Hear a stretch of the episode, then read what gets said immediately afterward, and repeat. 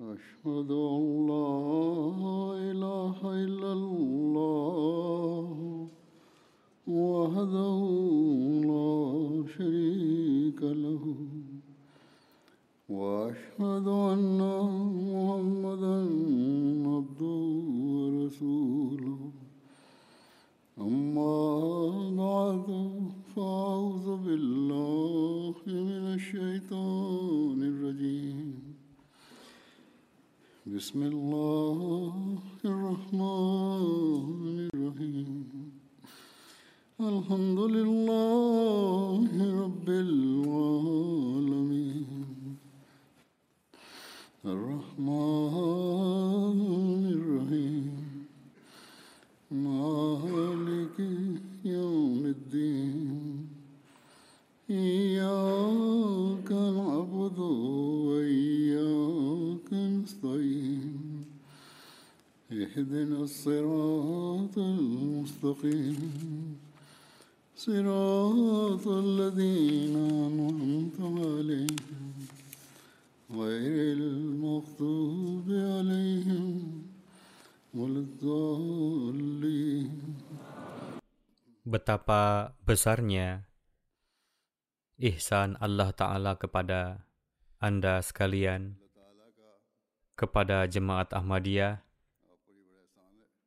Dia telah sedemikian berbuat ihsan kepada segenap Ahmadi yang datang ke negeri ini. Dia telah menganugerahkan taufik kepada Anda untuk tinggal di negeri yang maju ini.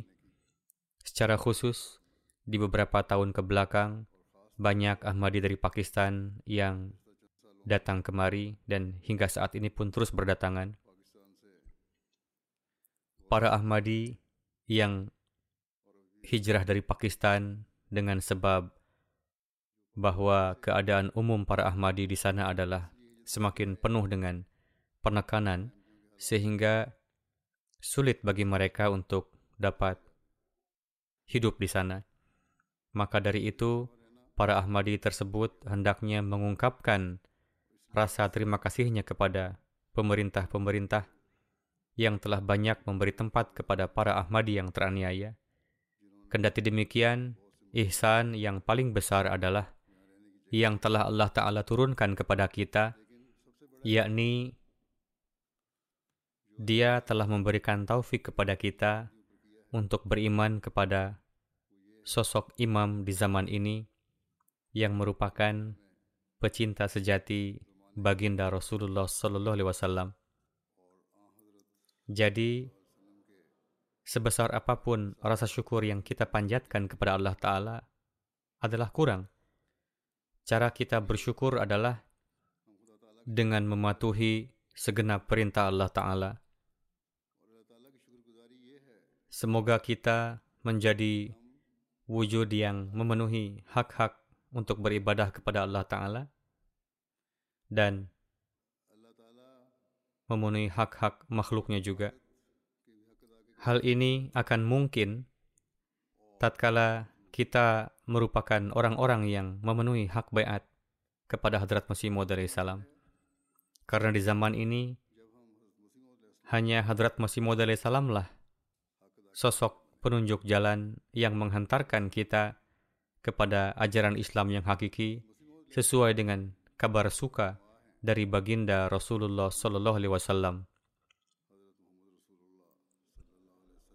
Alhasil, hendaknya setiap Ahmadi mengedepankan bahwa pada saat ini ajaran Islam yang hakiki hanya dapat kita peroleh melalui Hadrat Masih Maud salam.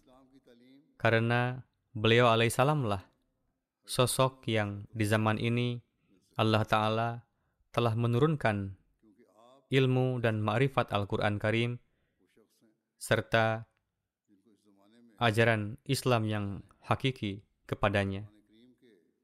Beliaulah sosok yang merupakan pecinta sejati yang mulia Muhammad Rasulullah Sallallahu Alaihi Wasallam dan beliau berkehendak untuk memberikan tarbiat kepada jemaat beliau sesuai dengan ajaran dan sunnah Rasulullah Sallallahu Alaihi Wasallam. Jadi, bagi kita saat ini untuk menjadi umat Muslim yang hakiki, pandangan kita harus tertuju pada Hadrat Masih Maud salam dan kita harus menjalankan segenap kehidupan kita sesuai dengan jalan yang telah disampaikan oleh beliau alaihissalam. Kita harus menguatkan iman kita. Kita harus memiliki iman dan keyakinan sempurna akan pengutusan beliau alaihissalam. Kita meyakini bahwa beliaulah sosok hakam dan adil. Kita harus berkeyak, meyakini dengan teguh bahwa kini hanya dengan menempuh jalan yang beliau sampaikanlah maka manusia dapat berjalan di atas ajaran Islam yang hakiki. Maka dari itu, Hadrat Akdas Masih Maud salam dalam nasihat beliau kepada mereka yang telah bayat kepada beliau agar teguh di atas keimanan dan keyakinan ini bersabda, Siapa saja yang telah beriman, maka hendaknya ia meningkatkan dirinya dalam hal ma'rifat dan keyakinan. Tidaklah cukup beriman, tetapi juga harus melahirkan keyakinan dan meraih irfan, yaitu pemahaman mengapa kita melakukan bayat, agar jangan nanti terjerumus dalam keraguan-raguan. Jangan sampai muncul anggapan-anggapan buruk di dalam kalbu. Mengapa begini, mengapa begitu? Janganlah kemudian muncul pertanyaan-pertanyaan. Beliau alaihissalam bersabda, Ingatlah, persangkaan tidaklah dapat memberi manfaat, Allah Ta'ala sendiri berfirman, Inna la yugni minal haqqi syai'a. Sesungguhnya, persangkaan tidaklah berguna sedikit pun terhadap kebenaran. Keyakinan adalah suatu hal yang dapat membawa manusia menuju keberhasilan. Jika manusia berprasangka buruk dalam segala sesuatu, maka ia sedikit pun tidak akan sanggup tinggal di dunia ini.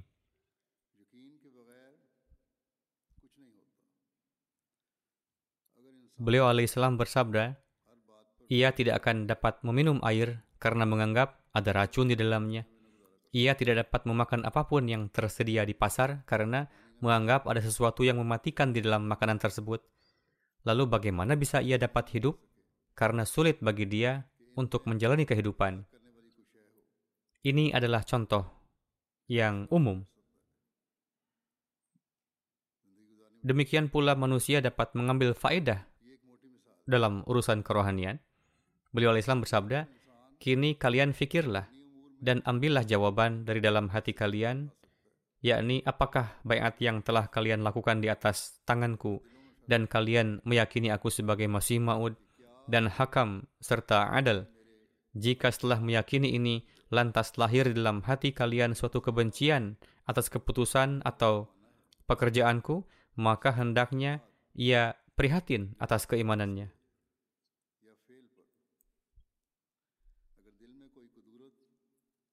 Suatu keimanan yang penuh dengan kekhawatiran, ketakutan, dan kebencian tidaklah akan memberi hasil yang baik. Namun apabila kalian menerima dengan hati yang sungguh-sungguh bahwa memang benar Masih Ma'ud adalah hakam dan adil, maka hendaknya ia memasukkan senjatanya di hadapan perintah dan perbuatannya. Dan pandanglah keputusan-keputusannya dengan penuh penghormatan, supaya Anda menjadi orang-orang yang memuliakan dan mengagungkan ucapan-ucapan suci Rasulullah SAW.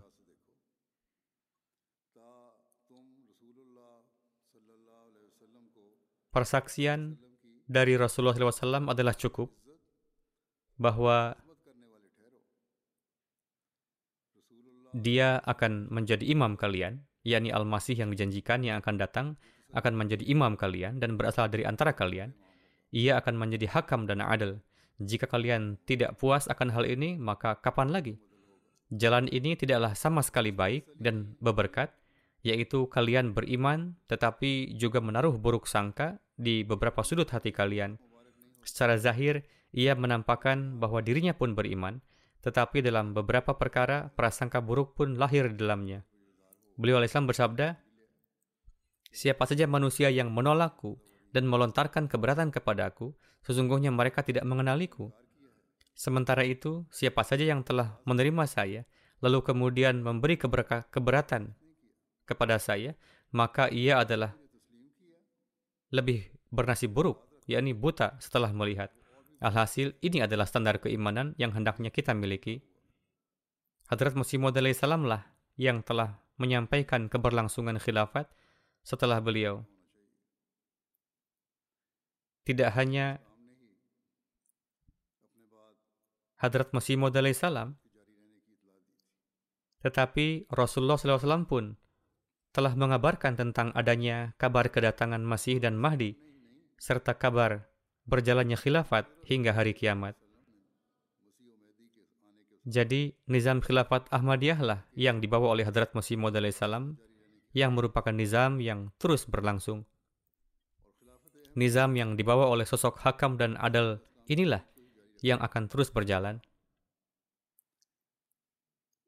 Setiap Ahmadi di dalam janjinya berikrar untuk berpegang erat dan taat kepada khilafat.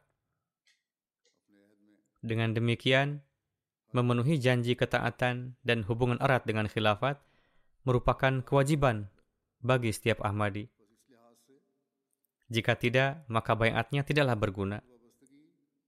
Maka dengan demikian, setiap Ahmadi harus senantiasa berupaya untuk meningkatkan keimanan dan keyakinannya. Kemudian, dalam hal penekanan kepada segenap anggota untuk menilawatkan Al-Quran Karim secara seksama dan memahami maknanya, Hadrat Masih Maud Islam bersabda, saya berulang kali menasihatkan tentang hal ini kepada segenap orang yang menaruh hubungan kepadaku, bahwa Allah Ta'ala telah menegakkan silsilah jemaat ini demi menyingkapkan segala kebenaran, karena tanpa demikian tidak akan dapat lahir cahaya dan nur di dalam amalan-amalan kehidupannya. Beliau alisam bersabda, dan aku menghendaki supaya keindahan Islam dapat zahir di dunia melalui kebenaran bercorak amalan. Sebagaimana Tuhan telah mengutus aku untuk pekerjaan ini. Maka dari itu, bacalah Al-Quran Karim dengan sebanyak-banyaknya, tetapi bacalah Al-Quran dengan memahaminya sebagai suatu falsafah, bukan hanya sekedar tulisan belaka. Maka dari itu, setiap Ahmadi hendaknya menilai dirinya sendiri. Jangan sampai kita tenggelam dalam kesibukan dunia dan melupakan tujuan bayat kita. Hadrat Masih Islam bersabda, Allah Ta'ala telah mengutusku untuk memberi pemahaman kepada manusia akan ilmu dan ma'rifat Al-Quran Karim, serta mendorong mereka agar mengamalkannya. Dan siapa saja yang masuk ke dalam silsilah bayatku ini, hendaknya mereka memahami pentingnya hal ini dan merenungkan ilmu-ilmu dan ma'rifat Al-Quran Karim. Hendaknya mereka berupaya memahami segenap makna dan tafsirnya dan hal ini tidak akan dapat terwujud sebelum kita berupaya untuk membaca dan memahami khazanah-khazanah kerohanian dari Hadrat Masih Maud salam, yaitu kita berupaya untuk membaca dan memahami segenap tulisan-tulisan beliau. Beliau bersabda, Al-Quran Karim bukanlah kumpulan kisah dan cerita, tetapi merupakan pedoman hidup dan suatu tuntunan kehidupan yang adalah wajib bagi setiap Muslim Ahmadi untuk mengamalkannya. Jika setelah kita sampai di sini, di negeri-negeri ini, lalu kita melupakan tujuan ini dan tenggelam dalam kesibukan duniawi dan tidak berupaya untuk mewarnai lingkungan keluarganya dengan ajaran Al-Quran Karim, maka anak-anak dan keturunan kita akan menjadi jauh dari agama. Dan alih-alih mensyukuri, ini menjadi hal yang menepis karunia-karunia Allah Ta'ala. Alhasil, hal ini perlu untuk sangat difikirkan dan direnungkan. Setiap Ahmadi, baik lama maupun baru, baik yang lahir di sini maupun yang hijrah kemari, hendaknya menjadikan kedekatan kepada Allah Ta'ala dan memenuhi hak-hak ibadah kepadanya serta membaca dan mengamalkan kitab sucinya sebagai tujuan dasar mereka.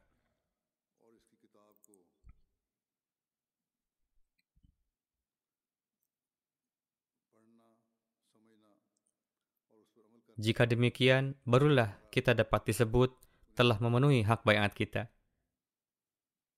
Mereka yang datang dengan berhijrah, dengan datang kemari, maka mereka telah terhindar dari permusuhan dunia.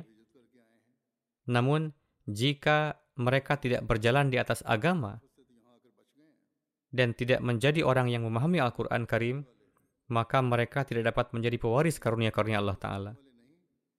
Demikian pula para Ahmadi baru di sini, serta para Ahmadi yang lama, mereka pun harus ingat bahwa dengan hanya berbaiat, maka tujuan tidak lantas dapat terpenuhi. Tujuan akan terpenuhi tatkala kita menjadi orang-orang yang mengamalkan ajaran Islam dan hal ini tidak akan dapat terwujud selama kita tidak membaca dan memahami kitab suci Al-Quran Allah Ta'ala.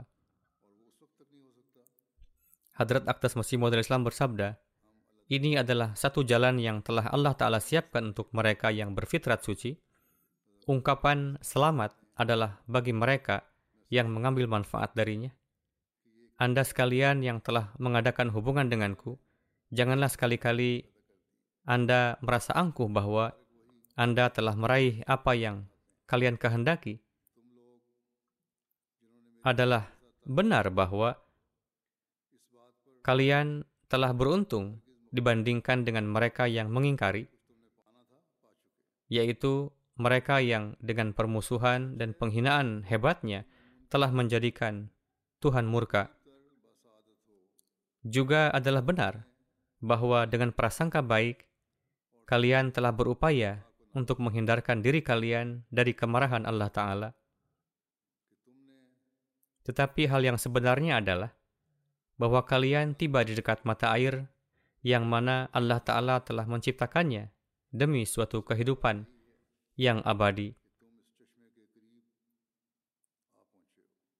Ya, kalian hanya tinggal minum darinya.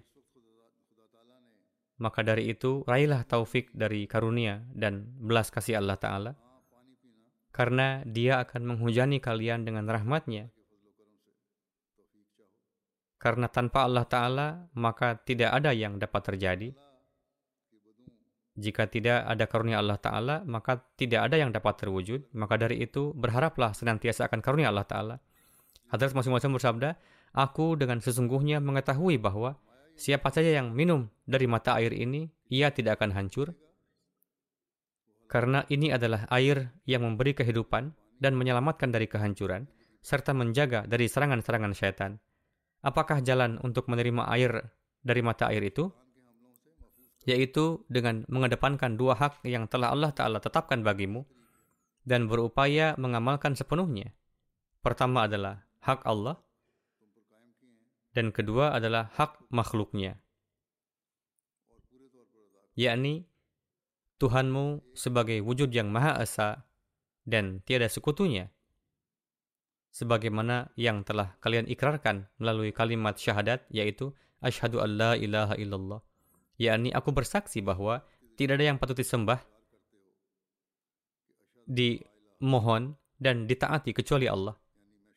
Ini adalah suatu kalimat yang sedemikian indah yang bila diajarkan kepada kaum Yahudi, Kristen, atau musyrik lain penyembah berhala, lalu mereka memahaminya, maka sungguh mereka tidak akan jatuh dalam kehancuran.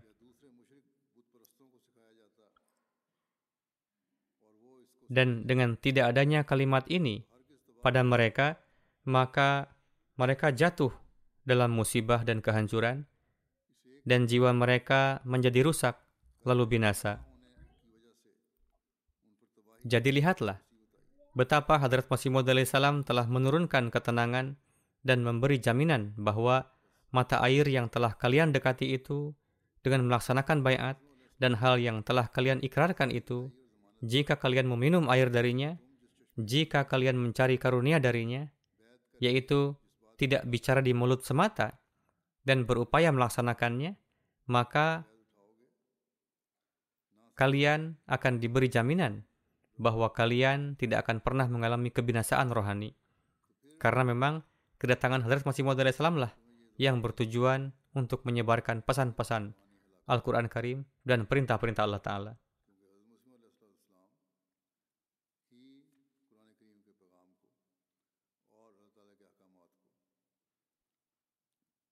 Beliau bersabda, maka dari itu, fahamilah hal ini, yakni tidaklah cukup berbaikat saja, karena Allah Ta'ala menghendaki amalan, dan siapa saja yang melakukannya, maka ia tidak akan kosong dari karunia-karunia Allah Ta'ala. Dan wujud pengamalan ini akan lahir tatkala kalimat asyhadu alla ilaha illallah menjadi suara lahir maupun batin kalian. Yaitu tatkala tidak ada lagi wujud yang lebih kalian cintai dari Allah Ta'ala. Tatkala tidak ada lagi sesuatu yang kalian cari selain keridaan Allah Ta'ala. Tatkala kalian mentaati sepenuhnya perintah-perintah Allah Ta'ala. Kini, setiap Ahmadi dapat menilai dirinya dirinya dari hal ini, yaitu apakah ketika kita mengucapkan kalimat syahadat, maka sungguh benar Allah Ta'ala lah yang paling kita cintai dari segala sesuatu, dan apakah meraih keridaannya adalah tujuan kita yang hakiki? Apakah benar kita tengah mentaati perintah-perintah Allah Ta'ala dengan seseutuhnya? Jika di waktu salat kita tidak segera mengarahkan perhatian kita padanya, jika kita tidak segera mengucapkan baik atas seruan Allah Ta'ala, lalu meninggalkan kesibukan duniawi kita untuk hadir dalam sholat, maka kita memang dapat mengucapkan kalimat syahadat, tetapi ada suatu syirik yang terpendam dalam diri kita, yaitu perniagaan duniawi menjadi penghalang untuk menuju kepada Allah Ta'ala. Seorang mukmin teguh di atas keyakinan dan memang harus demikian bahwa kemajuan di dalam perniagaan dan pekerjaanku semata-mata hanya berkat karunia Allah Ta'ala dan harus karena ini semata. Lantas bagaimana mungkin urusan duniawinya dapat menjadi penghalang untuk menuju kepada Allah Ta'ala? Jika hal ini terjadi, maka sesungguhnya ia tidak memahami ruh dari kalimah syahadat itu. Jangan sampai kita mengikrarkan di mulut kita, tetapi amalan kita tidak sesuai dengan ikrar. Kita telah ada di dekat mata air ini, tetapi kita tidak menggerakkan tangan kita untuk mereguk airnya. Maka dari itu, beliau alaihissalam bersabda, jika demikian keadaannya, maka hak beat belumlah terpenuhi. Kalimah syahadat ini tidak hanya menekankan dan menitik beratkan pada pemenuhan hak Allah Ta'ala, tetapi juga menekankan pada pemenuhan hak-hak hambanya dan memerintahkan untuk mengamalkannya. Jadi, tatkala manusia memenuhi kedua hak ini, maka saat itulah ia menjadi mukmin yang hakiki dan saat itulah seorang Muslim Ahmadi yang hakiki telah memenuhi hak bayat. Kemudian beliau alaihissalam dalam menasihati mereka yang telah berbaiat bersabda, Jika kalian hidup seperti orang-orang duniawi, maka tidaklah ada faedah dari taubah kalian di atas tanganku taubah di atas tanganku menghendaki satu kematian, supaya kalian dapat meraih suatu kelahiran baru di dalam kehidupan baru. yakni setelah berbaiat, maka hendaknya kalian meraih satu kehidupan rohani yang baru. Jika kehidupan rohani itu tidak diraih, dan kalian masih berada dalam segenap hasrat dan kecenderungan kehidupan kebendaan, maka bayat seperti demikian tidak akan memberikan manfaat apa-apa. Beliau Islam bersabda, jika bayat tidak berasal dari hati, maka tidak akan menghasilkan apa pun. Bayat kepadaku membutuhkan ikrar dari hati kepada Tuhan. Alhasil, siapa saja yang menerima saya dengan segenap sanubarinya dan melakukan taubat yang sejati dari segenap dosa-dosanya, maka Tuhan yang maha pengampun dan penyayang pasti akan memberikan ampunan, dan ia akan menjadi seolah bayi yang keluar dari rahim ibunya maka lantas malaikat menjaganya. Ia sungguh menjadi suci. Hadrat Masih Maud salam bersabda, jika di dalam suatu desa ada seorang yang suci, maka Allah Ta'ala demi sosok suci itu akan menyelamatkan desa tersebut dari kehancuran. Namun jika kehancuran datang, maka mengenai semuanya. Namun meskipun demikian, dia menyelamatkan hamba-hambanya yang tercinta dengan cara apa pun. Inilah sunnah ilahi, yakni jika ada satu saja orang yang saleh, maka demi orang saleh itu, orang lain pun diselamatkan. Jadi, prinsip dasar ini harus selalu diingat. Allah Ta'ala mendengarkan doa hamba-hambanya yang suci dan menerima perbuatan baik mereka. Maka hendaknya kita berusaha agar ibadah kita murni karena Allah Ta'ala semata dan perbuatan kita semata dilakukan untuk meraih keridaan Allah Ta'ala. Kondisi dunia saat ini menunjukkan bahwa awan kehancuran yang mengerikan sedang melayang di atas kita.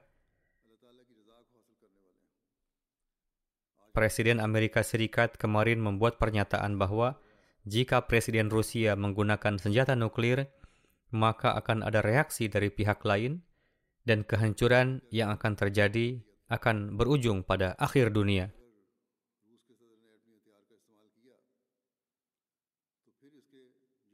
Jadi, orang-orang yang tinggal di negeri-negeri ini seharusnya tidak berpikir, yakni mereka yang telah bermigrasi ke sini seharusnya tidak berpikir bahwa mereka sudah aman di sini.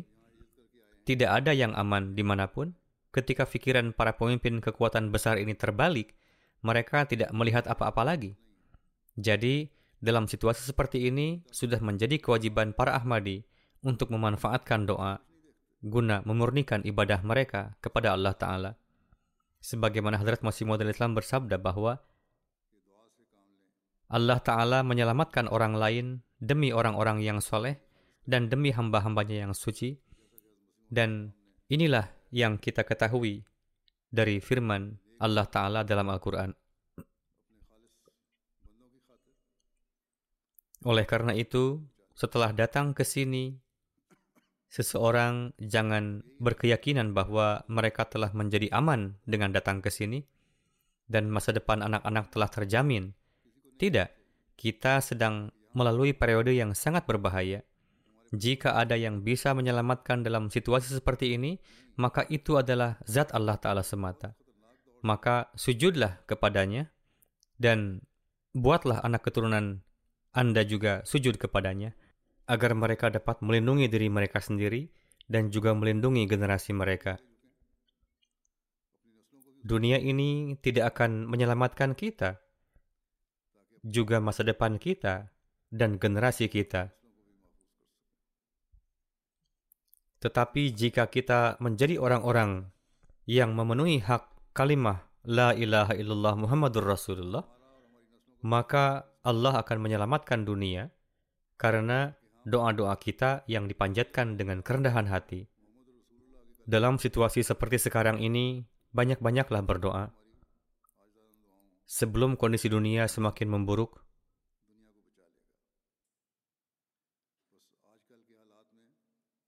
Hadrat Masih Maud Islam bersabda, Kebaikan adalah sesuatu yang dilakukan sejak sebelumnya. Jika itu dilakukan sesudahnya, maka tidak ada manfaatnya. Tuhan tidak menerima kebaikan yang hanya didasari oleh gejolak alami. Saat kapal tenggelam, baru semua penumpang menangis. Ketika perahu mulai tenggelam, semua orang mulai menangis. Sebelumnya malah hura-hura. Namun, karena tangisan dan ratapan merupakan tuntutan alam, yakni fitrat, untuk itu tidak akan bermanfaat pada saat itu. Itu akan berguna jika dilakukan sebelumnya dalam keadaan damai. Fahamilah dengan baik bahwa cara untuk meraih Allah Ta'ala adalah bersikap waspada dan siap sebelum sesuatu terjadi. Sedemikian rupa waspada seolah-olah petir akan menyambarnya, padahal tidak pernah menyambarnya. Jika dia waspada dan berpikir bahwa petir akan menyambarnya, maka petir tidak menyambar. Sebanyak apa pun petir menggelegar.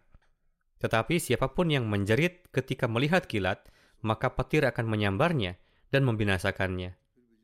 Orang seperti itu takut terhadap petir, bukan Tuhan. Jadi, sangat jelas, Hadrat Masih Maud memperingatkan kita bahwa jika kalian ingin memiliki hubungan dengan Tuhan, maka lakukanlah sekarang. Untuk saat ini, awan bahaya sedikit terangkat atau setidaknya sedemikian rupa sehingga dapat dikendalikan jika diinginkan, tetapi dapat menyebar kapan saja. Jadi, saat ini, keimanan para Ahmadi, hubungan mereka dengan Allah Ta'ala, dan doa-doanya dapat menyelamatkan dunia dari kehancuran.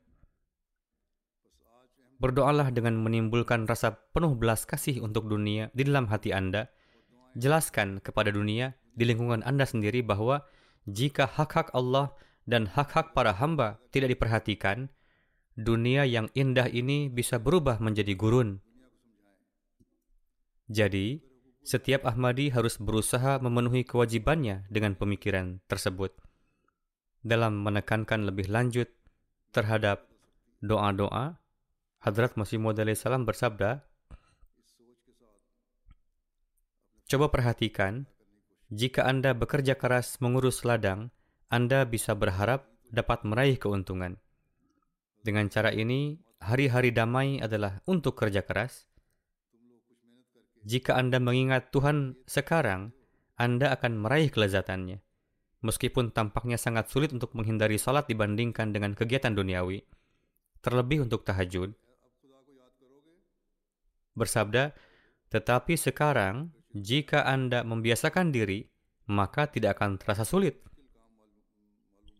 Jika Anda berdoa, maka Tuhan yang Maha Pemurah akan melakukan ihsan kepada Anda." Beliau bersabda, "Coba perhatikan, sekarang Anda sedang melakukan pekerjaan, yaitu Anda juga melakukan pekerjaan duniawi, Anda menaruh belas kasihan pada jiwa dan keluarga Anda, dan Anda peduli dengan kebutuhan mereka, Anda merasa kasihan pada anak-anak. Cara Anda menunjukkan belas kasihan kepada mereka, ini juga merupakan cara, yaitu belas kasihan yang Anda tunjukkan dalam arti duniawi, terdapat cara lain lagi. Bagaimana caranya? Caranya dengan mendoakan mereka ketika sholat. Doakan ketika ruku, ketika sujud, agar Allah menghilangkan bencana ini dan melindunginya dari azab. Barang siapa yang berdoa, ia tidak akan luput. Tidak mungkin seorang pendoa terbunuh seperti halnya seorang penjahat yang lalai. Jika tidak demikian, maka Tuhan tidak akan pernah dikenal. Dia berikan pembeda antara hamba-hambanya yang soleh dan tidak. Satu ditangkap dan yang lainnya diselamatkan. Alhasil, lakukan sesuatu sedemikian rupa agar terlahir keikhlasan sejati dalam diri Anda seutuhnya. Meskipun hal ini beliau sabdakan pada saat wabah tak tahun merebak, namun saat ini pun tanda-tanda kehancuran global sudah nampak. Seperti yang saya katakan, perlu bagi kita untuk bersujud di hadapan Allah Ta'ala, Dan ini adalah satu-satunya cara untuk melindungi diri sendiri dan dunia.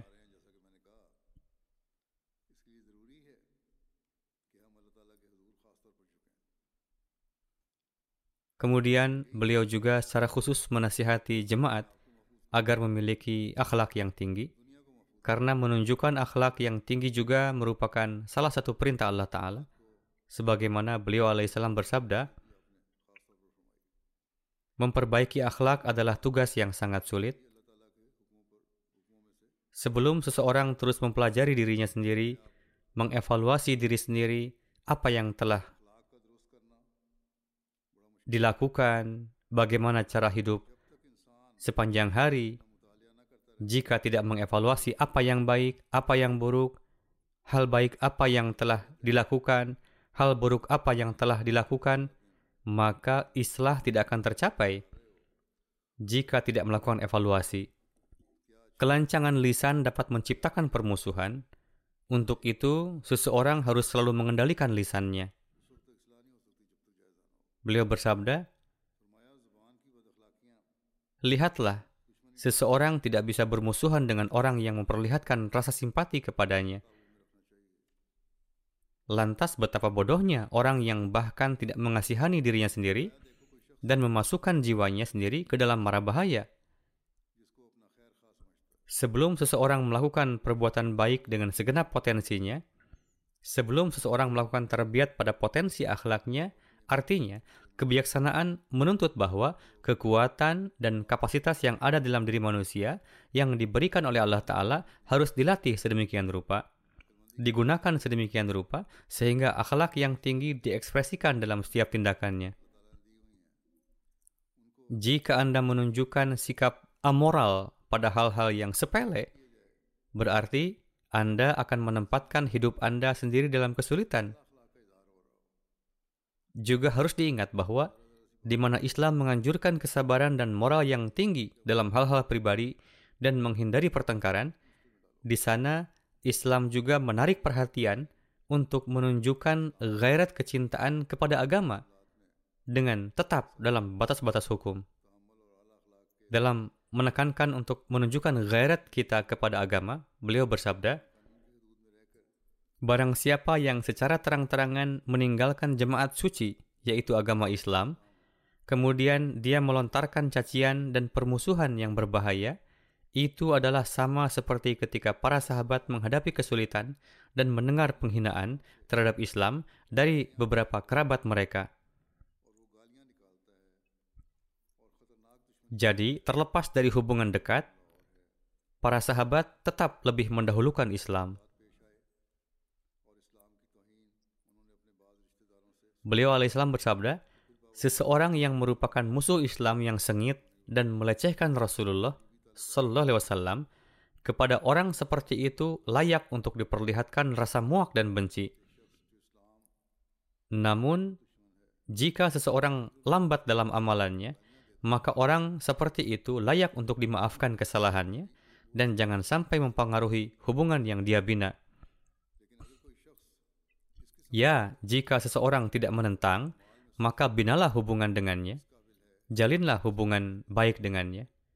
Tetapi, siapa pun yang secara terang-terangan menentang atau menghina Islam dan Nabi Shallallahu Alaihi Wasallam dan meskipun sudah dinasihati tetap saya tidak berhenti maka kita harus memperlihatkan gairat kepada agama begitu pula lah yang harus dilakukan oleh setiap Ahmadi harus menunjukkan gairat kecintaan. Kita tidak bisa mengulurkan tangan persahabatan kepada seseorang yang tidak berhenti dari bermulut lancang terhadap wujud Hazrat Masih Maud salam meskipun telah dinasihati. Juga gairat kecintaan menuntut setiap Ahmadi untuk tidak dapat mentolerir hal demikian, hal demikian. Banyak dari antara Anda yang datang ke sini dari Pakistan mereka memiliki pengalaman pribadi tentang jenis bahasa kotor apa yang digunakan oleh mereka yang menyebut diri sebagai maulwi terhadap Hadrat Masih Maud salam.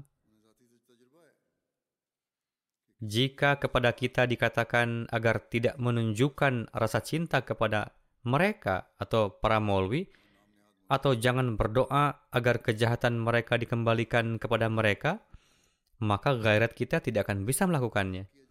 Prinsip yang sama seperti yang dituturkan Hadrat Masih Maud salam juga akan berlaku di sini. Memang kita tidak main hakim sendiri ketika menghadapi mereka, karena itu juga merupakan bagian dari ajaran Islam, bahwa dalam keadaan apa pun kita tidak boleh main hakim sendiri. Kemudian, Hadrat Masih Maud salam menjelaskan kualitas lain yang harus dimiliki oleh Ahmadi setelah bayat. Beliau alaihissalam bersabda, Ciptakanlah kecintaan dan persaudaraan di antara sesama. Dalam hal ini, beliau bersabda, Jemaat kita tidak akan berkembang sebelum kita menebarkan belas kasih sejati antara satu sama lain. Mereka yang dianugerahi kemampuan harus mencintai saudaranya yang lemah. Artinya, apa pun kekuatan dan kemampuan yang telah dianugerahkan padanya, gunakanlah itu untuk mengasihi yang lemah, bukannya malah mengungkapkan kebencian atau jijik. Beliau bersabda, "Apa yang saya dengar adalah ketika seseorang melihat kesalahan saudaranya, ia tidak memperlakukannya dengan akhlak baik, tetapi malah dengan kebencian dan rasa jijik. Cara seperti ini tidaklah benar. Beliau bersabda, suatu jemaat akan terbentuk jika Anda saling menutupi dan memperlakukan satu sama lain seperti saudara sejati. Beliau bersabda dengan penuh rasa prihatin, tidaklah benar jika terjadi perpecahan internal di dalam jemaat Para sahabat juga telah mengembangkan rasa cinta dan persaudaraan di antara mereka sendiri dan menjadi sebuah jemaat. Beliau alaihissalam juga menginginkan hal yang sama dari anggota jemaat beliau, yakni terjalin persaudaraan di antara mereka sendiri seperti halnya para sahabat Rasulullah. Beliau bersabda, Demikianlah Allah Ta'ala telah mendirikan jemaat ini, yaitu seperti halnya jemaat para sahabat, Allah Ta'ala pun akan membangun jenis persaudaraan tersebut di sini. Besar harapan saya kepada Allah Ta'ala. Lihatlah, saling menuduh, menyakiti hati seseorang, dan menyakiti hati orang lain dengan kata-kata kasar, dan meremehkan yang lemah dan papa adalah dosa besar.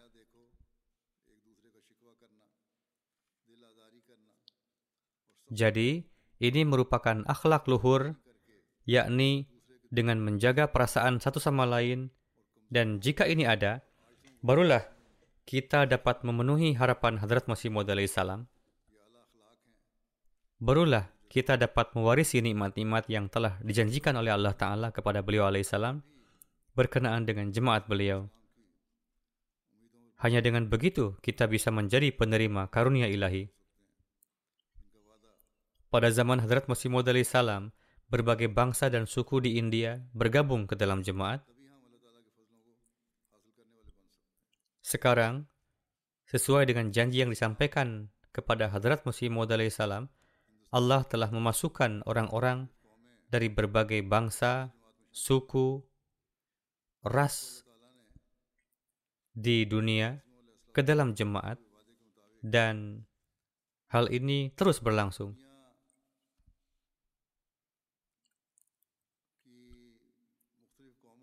Oleh karena itu, merupakan ihsan Allah Ta'ala kepada orang-orang dari berbagai bangsa dan ras, yakni dia memberi mereka taufik untuk bergabung dengan jemaat Nabi Sallallahu Alaihi Wasallam dan bergabung dengan jemaat sang hamba sejati Rasulullah SAW dan menjadikan mereka satu bangsa.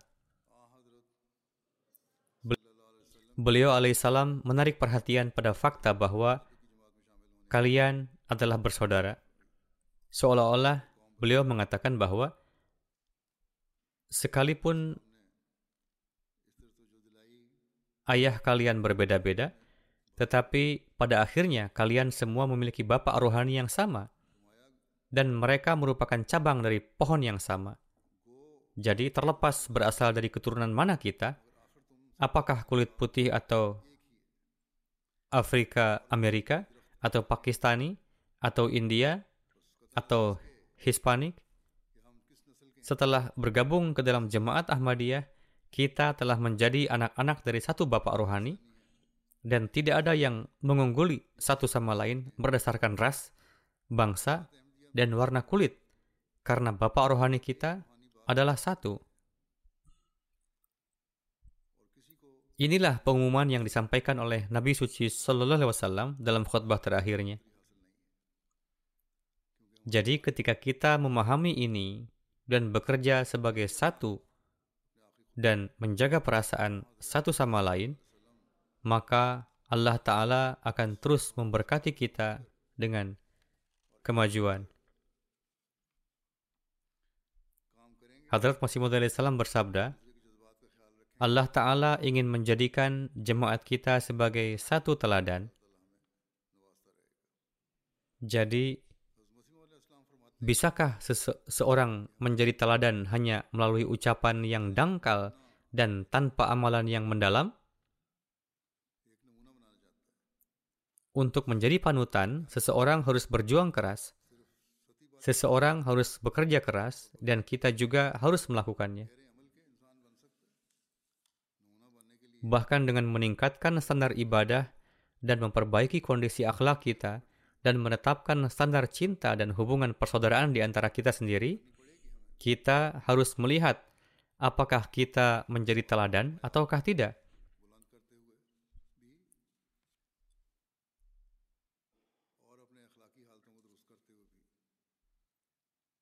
Hadrat Musim Maud salam mengarahkan kita untuk lebih memperhatikan pencapaian standar kita dan bersabda, Allah Ta'ala mencintai orang-orang yang bertakwa.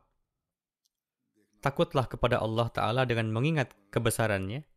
Artinya, ciptakan rasa takut dan kagum kepada Allah Ta'ala di dalam hatimu, dan ingatlah bahwa semuanya adalah hamba Allah. Jangan menindas siapa pun, jangan bersikap licik, atau memandang rendah terhadap siapa pun. Jika dalam jemaat terdapat satu orang yang kotor, dia akan mencemarkan yang lainnya. Beliau bersabda, nilai dan akhlak yang tinggi lahir ketika ada ketakwaan di dalam hati. Dalam menasihati jemaat mengenai hal ini, beliau bersabda, bagi jemaatku diperlukan adanya ketakwaan secara khusus. Wabil khusus berdasarkan pemikiran bahwa mereka telah menjalinkan hubungan dengan seseorang, memiliki ikatan beat yang mendakwakan sebagai utusan Tuhan, supaya mereka yang terjerumus dalam sesuatu jenis kebencian, kedengkian, syirik, atau bagaimanapun seseorang tergelincir dalam keduniawian, dapat terhindar dari semua bencana ini di dunia. Selanjutnya bersabda, jemaatku harus menempatkan kesedihan ini dalam jiwanya lebih dari kesedihan untuk keduniawian. Manusia memiliki kesedihan yang besar di dunia, tetapi disabdakan bahwa Kesedihan ini harus melebihi segalanya di hatimu. Kesedihan apa? Yakni, apakah di dalam diri mereka ada ketakwaan atau tidak? Jadi, jika kita ingin memenuhi hak bayat kita, jika kita ingin bersyukur kepada Allah Ta'ala atas ihsan-ihsannya, maka kita perlu mengevaluasi keadaan diri setiap saat. Semoga Allah telah memberikan taufik kepada kita untuk membentuk hidup kita sesuai dengan harapan Hadrat Masih Maud dan mendahulukan agama di atas dunia. Semoga rasa takut kepada Allah terlahir dalam diri kita dan pada hakikatnya menjadi orang yang memenuhi hak asyhadu an la ilaha illallah dan semoga kita termasuk ke dalam golongan akhirin yang telah dinubuatkan oleh Allah Ta'ala kepada Rasulullah.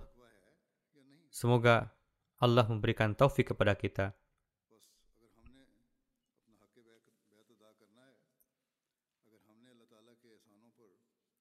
Tadi ketika sampai, Bapak Amir juga memberitahukan kepada saya bahwa 28 tahun yang lalu bertepatan dengan hari ini tanggal 14 Oktober, masjid ini diresmikan dan dibuka. Usia masjid ini sudah 28 tahun. Para Ahmadi lama yang tinggal di daerah ini serta para pendatang baru harus mengevaluasi seberapa jauh mereka telah berkembang dalam kerohanian dalam jangka waktu 28 tahun ini sejauh mana mereka berusaha untuk memenuhi hak masjid ini. Semoga Allah Ta'ala terus memberikan kemudahan bagi mereka yang datang ke masjid ini hingga beberapa dekade dan berabad-abad yang akan datang dan semoga dilindungi dari segala macam bencana duniawi. Tetapi hak yang sebenarnya akan terpenuhi hanya jika kita berusaha untuk memakmurkan masjid dengan memenuhi hak-haknya. Semoga Allah telah memberikan taufik kepada kita untuk dapat mengamalkannya.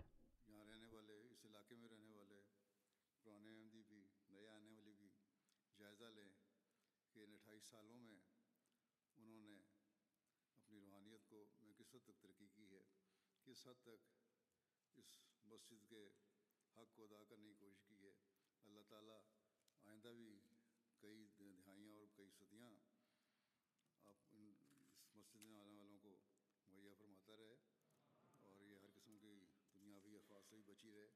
لیکن اصل حق تبھی ادا ہوگا جب ہم مسجدوں کے حق ادا کرتے ہوئے انہیں آباد کرنے کی کوشش کریں گے۔ اللہ تعالیٰ اس کی بھی ہمیں توفیق عطا فرمائے۔